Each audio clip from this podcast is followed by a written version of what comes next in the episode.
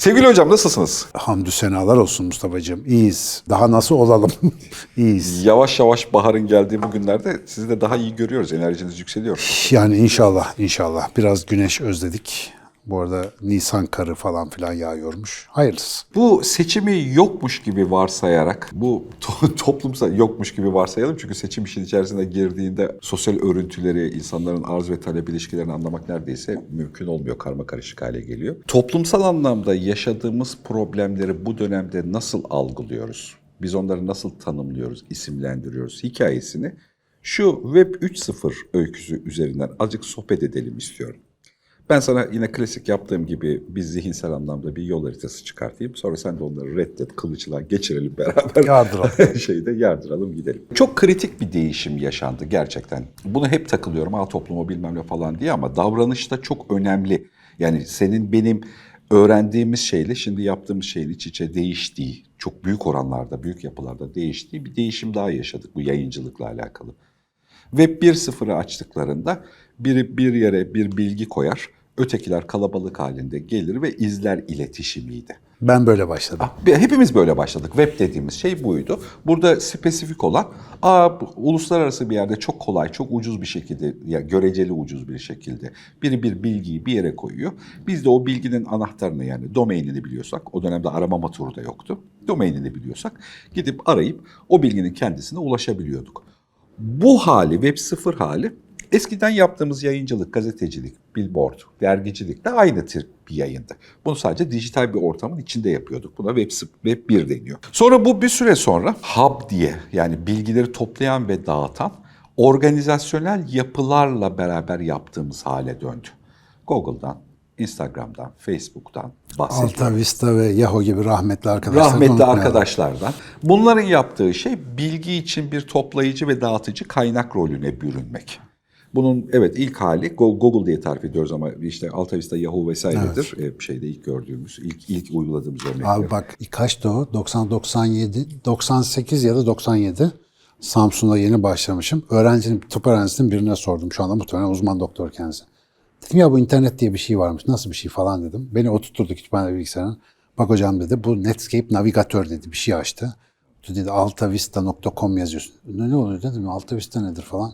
Yazdık işte şey geldi. Büyülenmiş gibiydim ya o zaman. Hiç unutmam o günü yani. E yani gerçekten hiç alışkın olmadığımız ölçekte bir şey oldu yani. Hani Mesela Sinan Canan'ı arattım hiçbir şey çıkmadı inanabiliyor musun? Öyle dönemlerde vardı diyorsun. Şeydi. Bu Web 2 döneminde yani biz şu anda Web 2'nin içerisindeyiz. E, bu baştaki söylediğim en büyük kritik değişiklik yayıncının ve okuyucunun birbirinden ayrı bir şey olduğu kavramı dağıldı. Yayıncı ve okuyucu bileşkeli bir şey oldu. Biz hepimiz aynı anda internete girdiğimiz anda istesen de istemesen de ben hiçbir şey yayınlamıyorum desen de metadata dediğimiz bilgiyle yani konu bilgisi vererek ya da işte ne bileyim hareket bilgisi, davranış Beğenme, bilgisi, bilmem ne, bilmem ne davranışlarını göstererek bir bilgi, bir yayın oluşturuyoruz karşı tarafa. Bu okunan ve e, takip edilen bir yayın. Aynı zamanda yayınlanmış bilgileri de takip ediyoruz. Burada bu koordinasyonu, bu aradaki alıcı verici sistemini yürüten algoritmalar var. Bu algoritmalar Instagram'ın algoritması, Facebook'un algoritması, Google'ın algoritması gibi algoritmalar. Bir kısmı açık kaynaklı, bir kısmı çoğunluğu, büyük bir kısmı kapalı kaynaklı. Yani o mantığı, o bilgiyi nasıl süzdüğünü bilmediğimiz ve bizim onun üzerindeki hareketlerimizden anlama bağlı olmadan, burası çok kritik, yani semantik bir değeri olmadan bizim hareketimizin kendisini sayısal verisine bakarak bizi istifleyen, standartize eden, kategorize eden bir sistemin içerisindeyiz. O yüzden Google'da yaptığımız ya da YouTube'da yaptığımız bir şeyin birilerine ne kadar ve nasıl ulaşacağı ya da kim kimle nasıl bir bağlantı kuruyor aslında büyük bir olasılıkla bizim elimizde değil. Bu algoritmanın bilmediğimiz kapalı algoritmal kararlarının içerisinde gizli ya da saklı. Twitter yeni birazcık daha şeffaf bir şeyde belirledi. Bu da Web 2.0 hali. Şimdi bu Web 2.0'dayken şeyi herkesin aslında biraz yayıncıya döndüğü hikayesi anlaşılamayan konulardan bir taneye dönüyor. Bunun şakasını hep yapıyorum. Birini merak ettiğimizde ilk yaptığımız eylem Google'a sorma. Hani e, onunla alakalı bilgi almak için.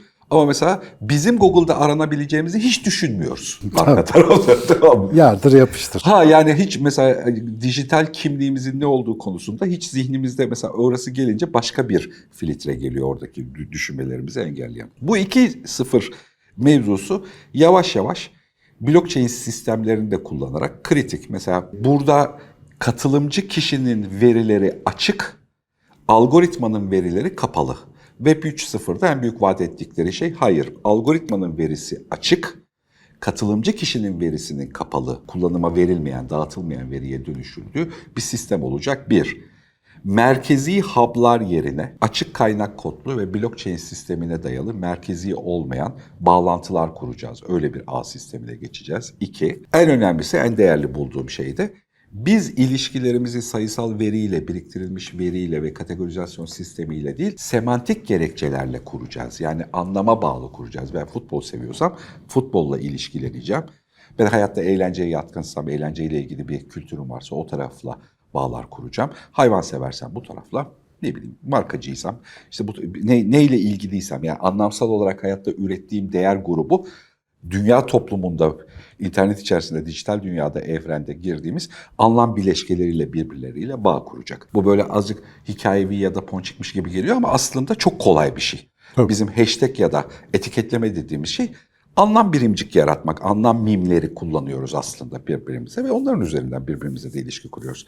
Tüm SEO dediğimiz faaliyette böyle devam ediyor. Burada bunu pauselayıp Web 3.0'ın haline burada bir acayip bir yeni fırsat formu doğdu ilişkilerde. İşte Türkiye'de 80 milyon, 85 milyon bir arada yaşıyoruz. Dünyada internete bağlı 5-6 milyarlık insan var. Toplamda 8-9 milyarlık bir insan topluluğuyuz. Bu insanlar sosyal alanlarının içerisinde bir sürü irili ufaklı, bazıları kalıcı ve etkili, bazıları zayıf ve geçici sorun ve problem gruplarıyla karşılaşıyor. Ve biz ilk defa dünyada hiçbir yerde ve hiçbir zamanda yaşanmayacak ölçekte biz bu sorunların ne olduğunu az önceki anlattığım sistemden kaynaklı anlamaya yakınız. Ve ilk karşılaştığımız şey şu, insanlar sorunlarını ifade edemiyorlar. Şimdi Google'da en çok aranan şeyler grubuna bakıyorsun. 2022 hani Google'da Türkiye'de en çok ne aranmış falan. Niye insanlar beni sevmiyor diye aramış mesela.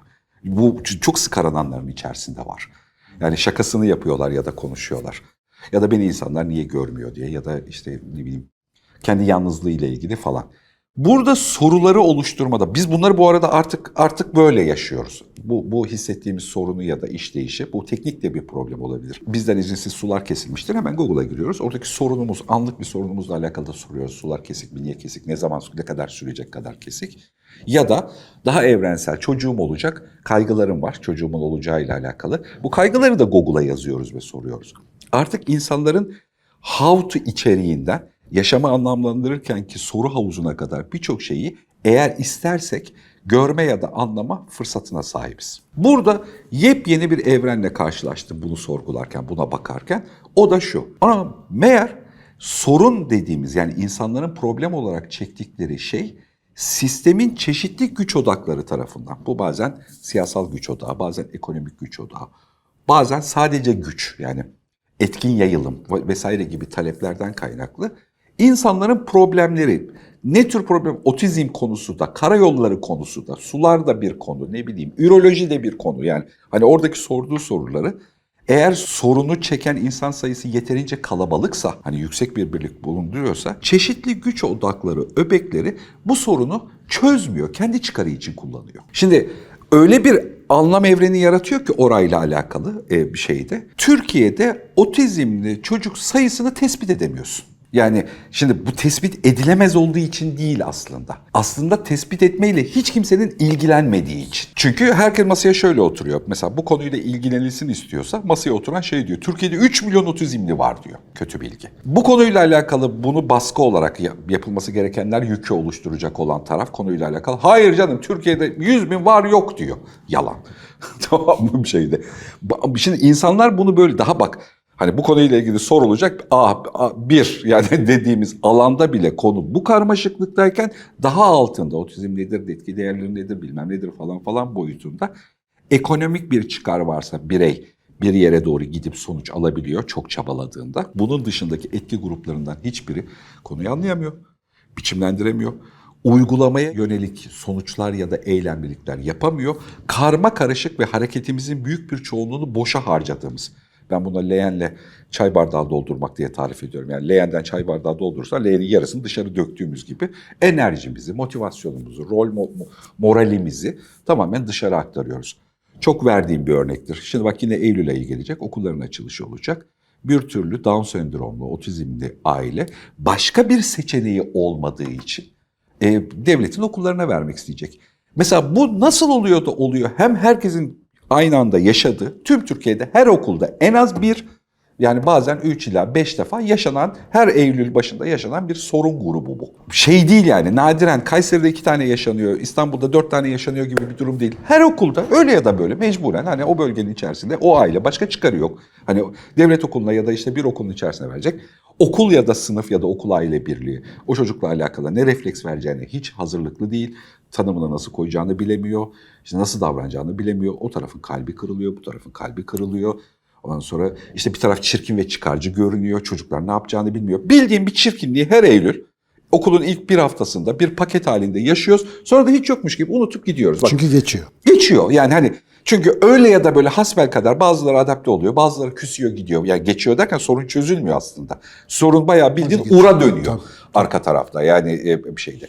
Adapte olmak zorunda kalıyorsun. Kalılıyorsun e, bir şeyde. Ve bu problemi gerçekçi bir şekilde yani şeye indirgeyerek bu böyle çözülür, buraya gidilir. Bu kaynaklara sahip bir ülke olarak, bu sorunun kendisini tespit edecek bir veri havuzuna sahip bir ülke olarak aynı zamanda yani o insanlar sorunlarını ve tavırlarını, dillerini anlattıkları bir ülke olarak biz bu soruyu soramamakla, tespit edememekle, doğru tanımlayamamakla oluşan. Ve her sorun grubunda hep devamlı bir çıkar grubunun büyük bir diş hamlesiyle sorunun kendisini e, kapmaya çalışması.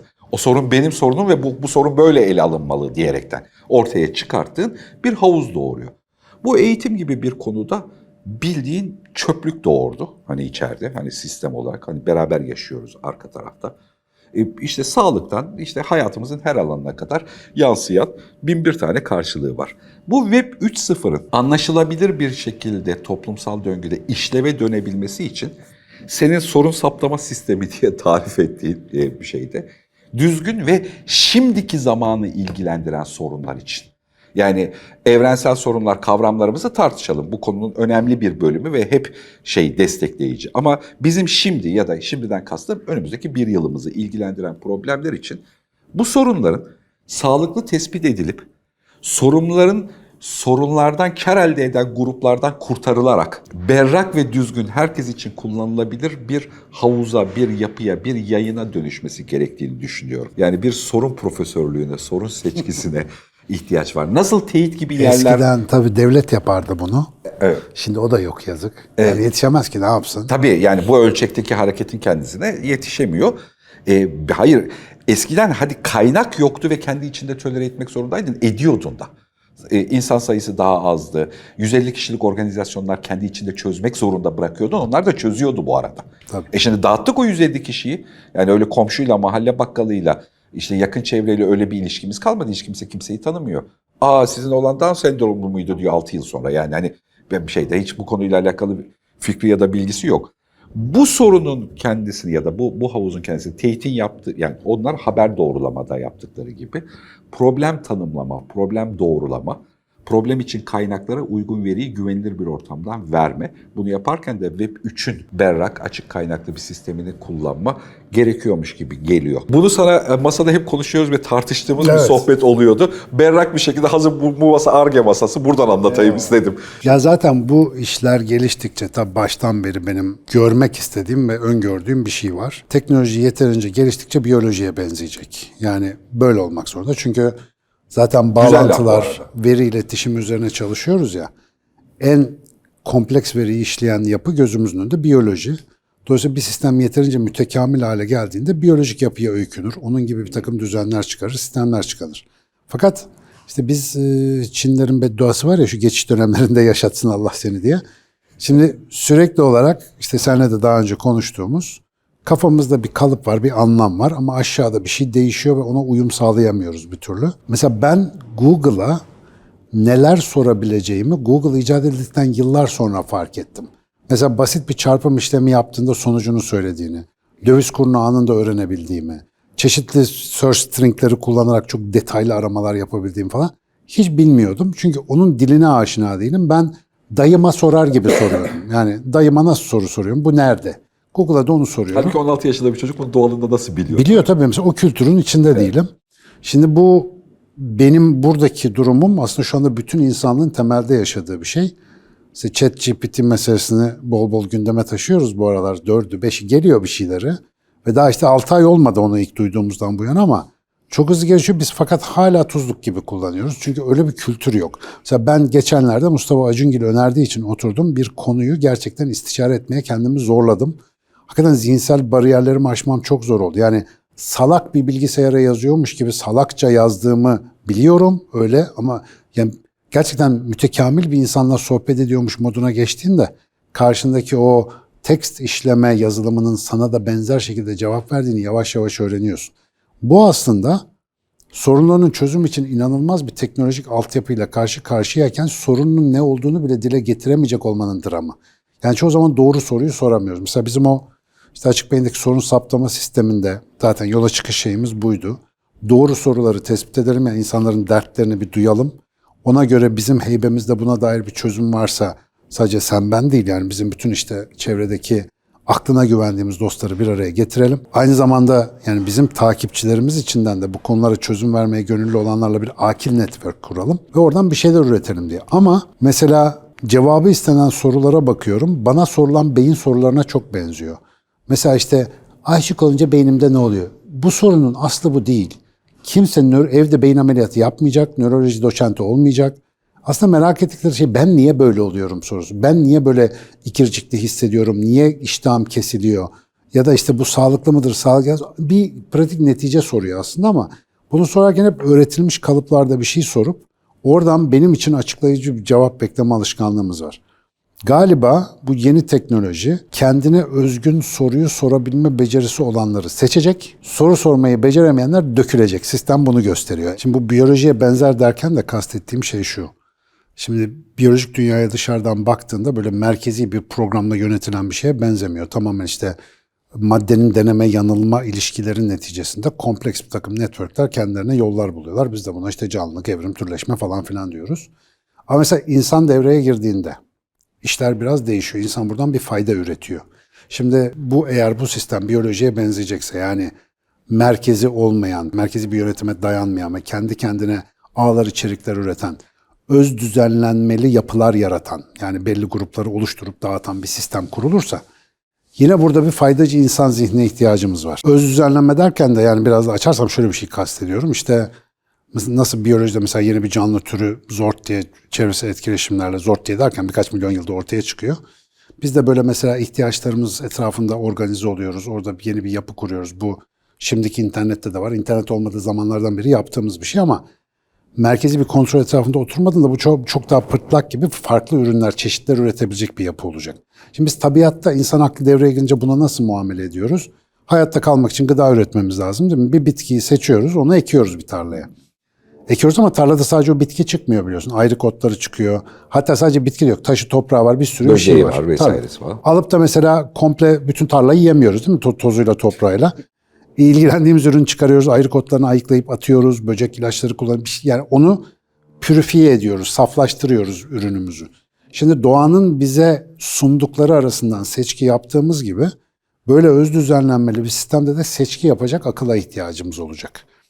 Burada tabii ki insanın sorununu anlayan, o soruna yönelik şifayı görebilen, o şifayı işte önce küçük dozlarda deneyimleyip sonra büyütüp saflaştırabilen bazı alt yönetici odakları ya da akıllara ihtiyaç olacak gibi geliyor bana. Çünkü bizim doğayla ilişkimiz böyle. Sonuçta bunu da ne kadar biyolojik sisteme benzerse benzesin biz insan kullanacağız. Fabrika ayarlarından uzağa düşmüş gariban varlık. Yine aynı şeyleri yapacağız. Burada tabii ki eski herzelerimizden aldığımız derslerle daha güzelini yapmayı umut edeceğiz ama onu yapamayacağız muhtemelen. O, o uzun iş, etik konusu. Ama burada internette var olan, yeni bu internette var olan gezinen sorun kalıplarını anlayıp onları insanların anlayabileceği yönergelere dönüştürecek birileri lazım. Biz buraya tabiiz. Biz bu adayız daha doğrusu. İşte biz ona adayız da yaptığımız ilk aksiyon mesela işte sen de varsın zaten işin içinde. O sorun saptama sistemi dediğimiz şey. Şimdi sorun saptama sisteminde benim ilk gördüğüm mesele benim yaşadığım sorunu herkes yaşıyor. Yani en büyük dert nedir diye soruyorsun. En büyük derde dair bu geniş zamanlı büyük sloganik konular geliyor gündeme.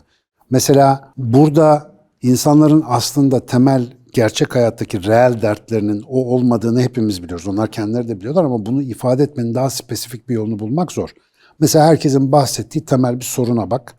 Şimdi herkes sorsan liyakat problemi diye bir şey söyler değil mi? Bir liyakat problemi var. E bu hep var. Bizde de bayağı derinlikli olarak var. Belli makamlarda, belli yerlerde insanların o görevin ge- gerektirdiği sorumluluk ve yetkinliklere haiz olmadığı halde orada bulunması meselesi bu. Şimdi bu meseleye bir sorun olarak bakmak başka bir şey, bundan nasıl kurtuluruz araştırmak başka bir şey, bununla ilgili spesifik bir sorunun çözümüne yönelik akıl yürütmek başka bir şey. Mesela senle de daha önce konuştuğumuzda bir şey ifade etmiştim. Mesela bu tip bir sorun tespit sisteminin belki de ilk yapması gereken şey, genel geçer bu sloganik gözüken sorunu alıp bunu kişisel düzeyde bir farkındalığa dönüştürmek. Ben mesela şunu önemsiyorum. Ne zaman birisi liyakatten şikayet etse, eğer yeterince samimiyse, kavga etmeyeceğim birisi ise, abi sen hayatında ne kadar liyakate uygun davranıyorsun diyorum. Ben falan diyor, bir dakika diyorum ya. Şöyle bir örnek verelim. Yani senin elinde bir emanet, bir iş, bir değer var. Tanıdığına mı verirsin yoksa CV'si güzel olana mı verirsin? Otomatikman primat refleksi bizi tanıdığa yönlendiriyor. Tabii ki gelişmiş toplumlar etik kurallarla bunu olabildiğince bir zapturapt altına alıyorlar ama bizim gibi henüz öyle kurala kaideye pek bağlı olmayı sevmeyen toplumlar yine primatsı davranıyorlar. Benim ekol, ekolden, benim dinden, benim şeyden olana vereyim. En azından birbirimizi daha iyi anlarız gibi aslında çok temel insani bir şeye dayanıyor bu. Bu farkındalık sonuçta bizi nereye getirecek?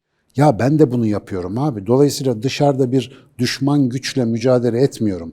Bizimle ilgili düzeltmemiz gereken bir şey var. Farkındalığını yaratmak bence birinci planda böyle bir veri havuzundan çıkarılabilecek güzel bir şey. Ama bunu kim çıkarıyor abi?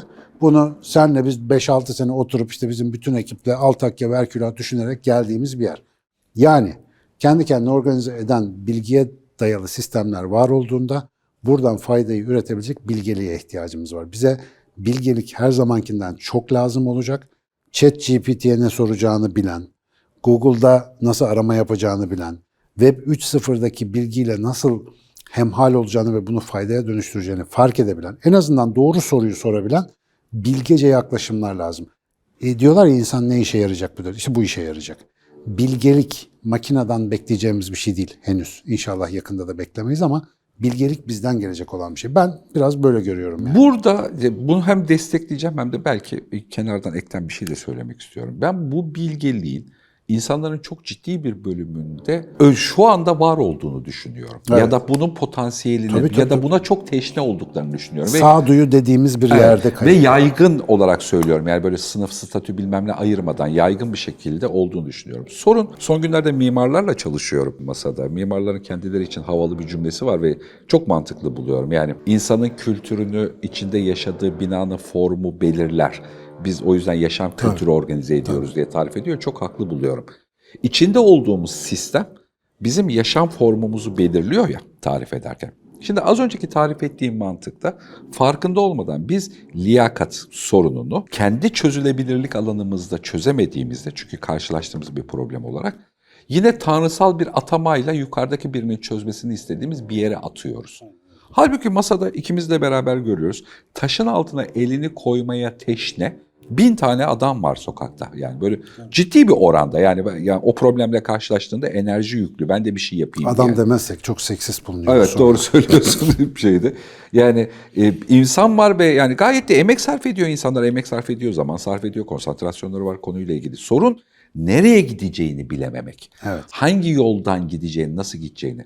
Böyle bir sistemle yaklaştığımızda yani problemin kendisini çıkar gruplarının mantığıyla aldığımızda ister istemez sahaya liyakat kelimesinin bu kadar ünlü olmasının sebebi de bu. Bu siyasal bir jargon. Yukarıdan öğrenilmiş propagandayla oluşturulmuş bir dilin tekrarcısına dönmek zorunda kalıyor. Ama o kısır tohum. Çözümsüz bir şikayete dönüşüyor. Dönüşüyor. Kısır tohum oradan şey üretemiyor ki, eylem üretemiyor ya da ben bir, peki ben ne yapayım? Ben o zaman şuna dikkat edeyim gibi bir tavır üretemiyor.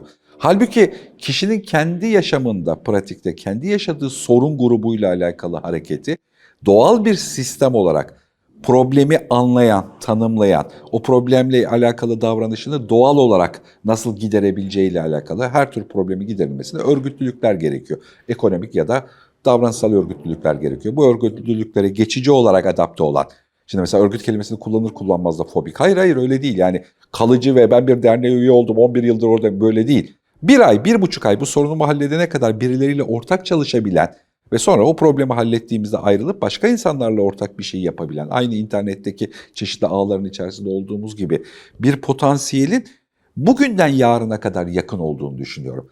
Şu teyitin yaptığı teyiti düşünemezdik biz 10 sene sonra öncesinde. Yani biri çıkacak Türkiye'deki en radikal siyasal söylemleri olan birine hayır abi sen yalan söylüyorsun diyecek güce sahip olacak. Hem de bunu yani bir Alenen. eko- alenen hem de bunu ekonomik bir e, çıkar grubu olmadan ya da işte ne bileyim siyasal bir çıkar grubu olmadan yani karşı Zaten tarafın arkayı olmadan bir yere dayasa bunu söyleyemez. söyleyemez. Olmadan yapacak. Bunu tahmin etmek bundan 10 sene önce, 15 sene öncesinde bile çok zordu. Hani gözümüzde canlandırmada. Halbuki nasıl büyük bir ihtiyaçmış ki şeklen ortaya konulur konulmaz. Önce şey yaptılar farkındaysan. Siyaseten farklı alternatiflerde biz de bizim teyidimizi yaparız o zaman falan diye. Sonra hepsi anlamsızlaştı. Daha hepsi aynı ortak kümeye birlikte çalıştıklarını fark ettiler. Çünkü konu aslında bir yerin taraf olmasıyla alakalı değilmiş ki. Bilgi doğrulaması da Doğruyu ve yanlışı yanlışı görmeyle alakalıymış ve bunu yapınca bir de bu kolay bir iş de değilmiş. Çocuklar bu arada eşek yüküyle iş yapıyorlar. Arkada analizliyorlar. Aynı burada olduğu gibi bu haberi doğruluyor. Bizim yaşadığımız problemin tanımını da doğrulamaya, bu problemin çözümü için kanalların uçlarını açık bırakıp birilerine bırakmaya. Çünkü onu kültür olarak onu uçlarını birilerine bıraktığımızda e, oradan eylemliliğin çok kolay geleceğini zannediyorum. Para yatıracak olan da gelecek. işte beraber geliyor zaten bu arada. Hani bunu sen fiziken hepimizden daha fazla yaşıyorsun. İnsanlar buna yatkın geliyorsun. Hikaye bu hareketin oluşabileceği organik yapıya uygun, bi- biyolojik tabanlı bir sistem hayal edebilmekte. Abi Hani zaten esnek. hayali şöyle başlatmak lazım. Bizim bu devirde çok unuttuğumuz bir şey var. Bu insanın kişisel problemleri için de büyük oranda geçerli ama daha büyük, çok insanı ilgilendiren problemlerdeki ilk adım birleşmektir. Yani bir araya gelmek gerekiyor. Şimdi bir araya gelmek için de bir odak gerekiyor. Yani bir nedenle bir kişi ya da kişiler grubunun insanları belli bir amaç doğrultusunda diyorsun ya reorganize ol sonra dağılırsın iş bittikten sonra. O organizasyon için bir araya gelmesi lazım. Şimdi bu bir araya gelme meselesi bu kadar yaygın iletişim imkanlarının olduğu bir yerde nedensiz ve imkansız gözüküyor. Çünkü her ağzına geleni söyleyip şikayet edebildiğin, gazını boşaltıp da evinde yattığın bir dünya aslında burası. Çok kafan bozulduysa, işte sevgiline kızdıysan Twitter'a bir şey yaz. Siyaseten bir şeyse Instagram'a bir şey yolla. Kinayeli yaz. Kinayeli yaz. İşte Mevlana'dan alıntı yap ki bütün alçaklar görsün falan. Böyle gazımızı boşalttığımız bir şeye dönüşüyor. Halbuki işte aralarda uygun kerteriz noktalarına işaret eden, ya bak şöyle bir derdimiz var, sen bununla ilgili ne düşünüyorsun? Ya da ey gençler biz bir cem- cemiyetiz, böyle bir ekibiz, benzer konularla ilgileniyoruz. Sizce bizim en büyük derdimiz ne ola ki bu ara? Diye bir ortak havuz başlattığında orada hemen bir bir araya gelme başlıyor. Biz tarih boyunca insanlığın bu gücünü unuttuk abi. Önce bir araya geliriz, sorunu çözeriz, sonra dağılırız ama genellikle dağılmadan önce bir savaşıyoruz. Öyle bir durumumuz var. Tabii önce Çünkü grup- orada toplanan gücü kullanacağız. Tabii bir şekilde bir artı var. İşte o mabetlerin yapılması bilmem ne falan filan hep böyle mümkün olmuş ya yine aynı şey geçerli. Ama bu sefer yani işte insan organizasyonlarını hep böyle kaos teorisini biraz anlayana kadar tamamını anladığımı söyleyemeyeceğim ama isim koyamadığım bir şey vardı. İnsanların aksiyonları bana böyle çok mekanik yapay falan geliyordu. Yani böyle boşa masraf gibi geliyor. Tamam bir sürü böyle yapılan şeyler, tantanalar. Sonra seçim kampanyalarında falan şimdi olacak ortalık bayrak mayrak bir sürü bir şeyler yapıyoruz ya. Ya mesela bütün bunları yapmamızda bir gayri tabilik fark ediyordum ama tabiattaki organizasyon ve dağılma işte ona ne diyorlar self organization and dissipation bir, bir dağılıyor sistemler falan. Onun yapısına baktığımda sistemin tamamıyla uyumlu, gerektiği kadar orada olan, gerekmedikçe hiç sesi duyulmayan, dağılan doğal sistemlerden bahsediyor. Biz anlam dünyası, işlev dünyasından kopuk olduğu için eski anlamlarla hababam bir şey zorluyoruz. Mesela bazı kurumlarımız var. Devlet dairelerimiz var. Çoktan uçan daire olmuş farkında değil. Ayağı yere basmıyor yani. Adı devlet dairesi. Bunu da yeni buldum bak devlet dairesi. Gündemden çıkınca uçan daire. Mesela onlar hala varmış gibi davranıyor. Mesela ulus algımız hala varmış gibi davranıyoruz. Böyle konuşmayı seviyoruz. Yok ki. Yani üzgün öldü. Yok. Yani e, rahmetli hani şimdi duysa mezarında ters döner ama zamanın gereği belki bu.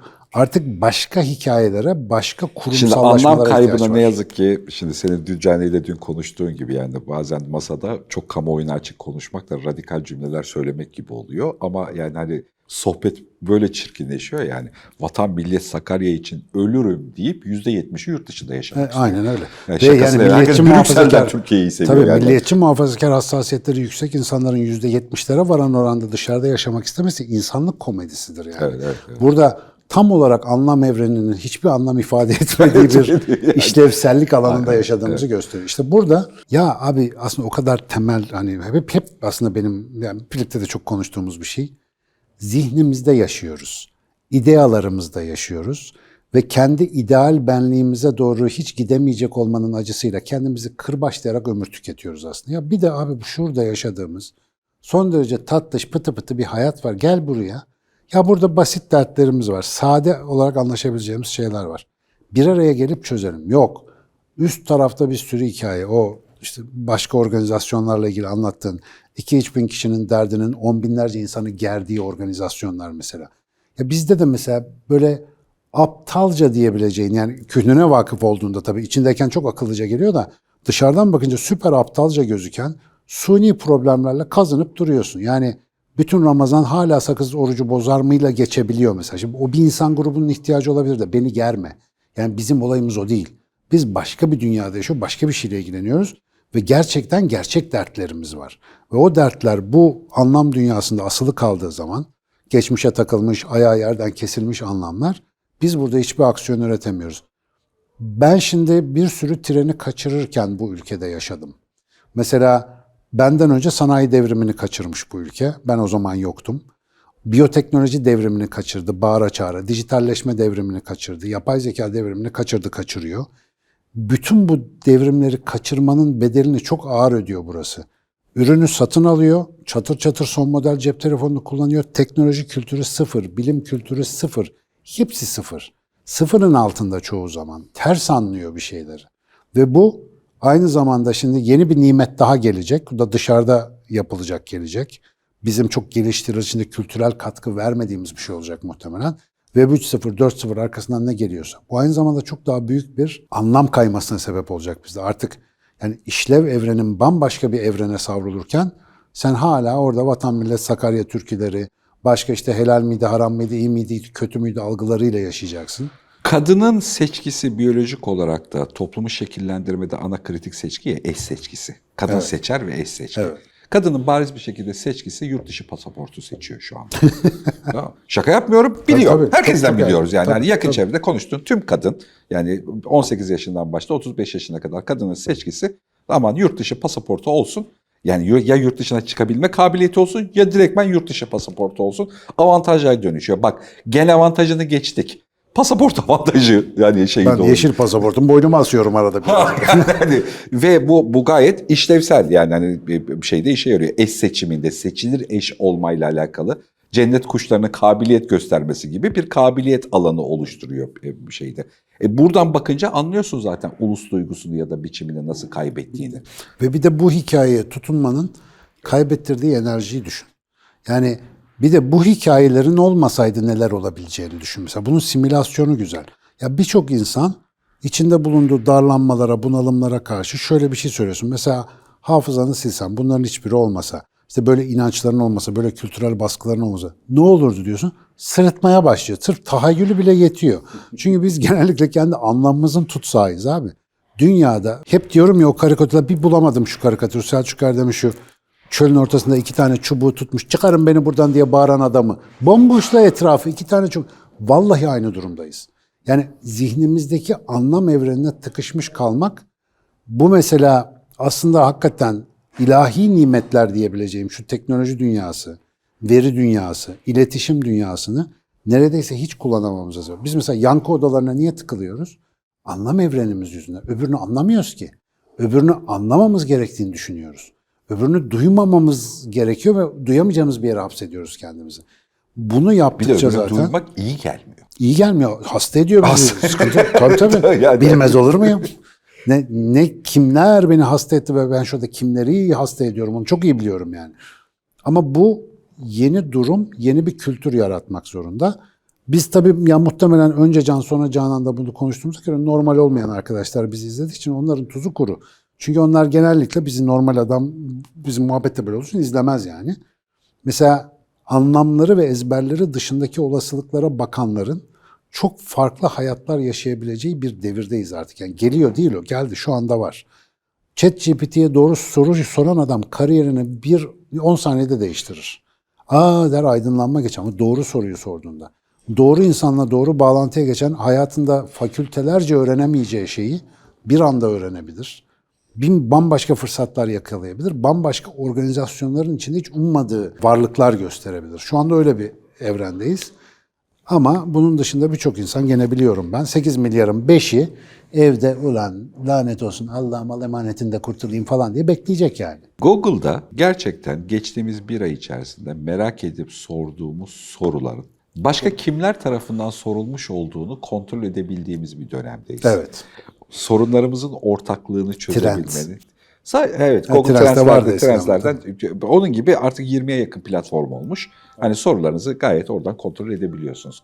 Bu bile dünyayı bize benzer kimlerle paylaştığımızı, yukarıda anlamlarla kendimizi yankı odalarında tuttuğumuzu zannediyoruz. Kolpa hikaye bu.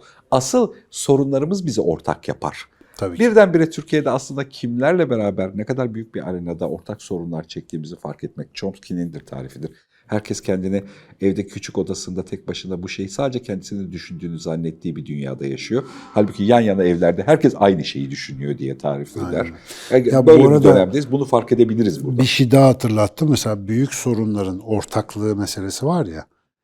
Kendi anlamsız oyunlarımıza gömüldükçe, yankı odalarımıza kapandıkça ortak birleşme gerektiren büyük sorunların çözümsüzlüğüne katkı yaptığımızı da görmemiz lazım.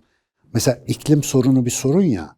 İklim sorunu politik bir tarafa savrulduğunda yani anlamsız politik anlamlara sıkıştığında bu sefer farklı grupların ona yaklaşımı farklı ve çözümsüzlüğün derecesi çok daha derin hale geliyor. Geçen Güneş'in de onun sohbetini yaptık işte. Tabii.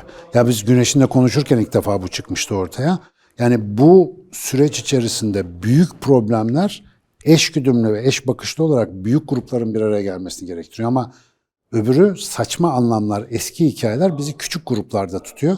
Ve büyük sorunlar biz orada tüketirken biz kime oy veriyordun, dolar kaç paraydı onlarla uğraşıp duruyoruz. Diyorsun arka tarafta sıkıntı. da şöyle oluyor. Kime oy veriyordun dolar kaç paraydı bilmem ne falan falan. A pandemi. İşte bilmem ne bilmem ne bilmem A müsilaj. Bilmem ne bilmem ne A Marmaris yanıyor. Bilmem ne. Böyle gidiyor günümüz farkında Tabii, tabii, değiliz. Tabii aynen öyle. Yani Silkeleniyoruz. aa, ha yani aa deprem oldu. Yani çok üzülüyoruz, çok bilmem ne yapıyoruz falan. Sonra tekrar böyle böyle hani bu rabarbayı hayatımızın pratiğinin böyle hızlandırılmış versiyonunu yaparsak bu kesitleri görebildiğimiz bir dönem artık.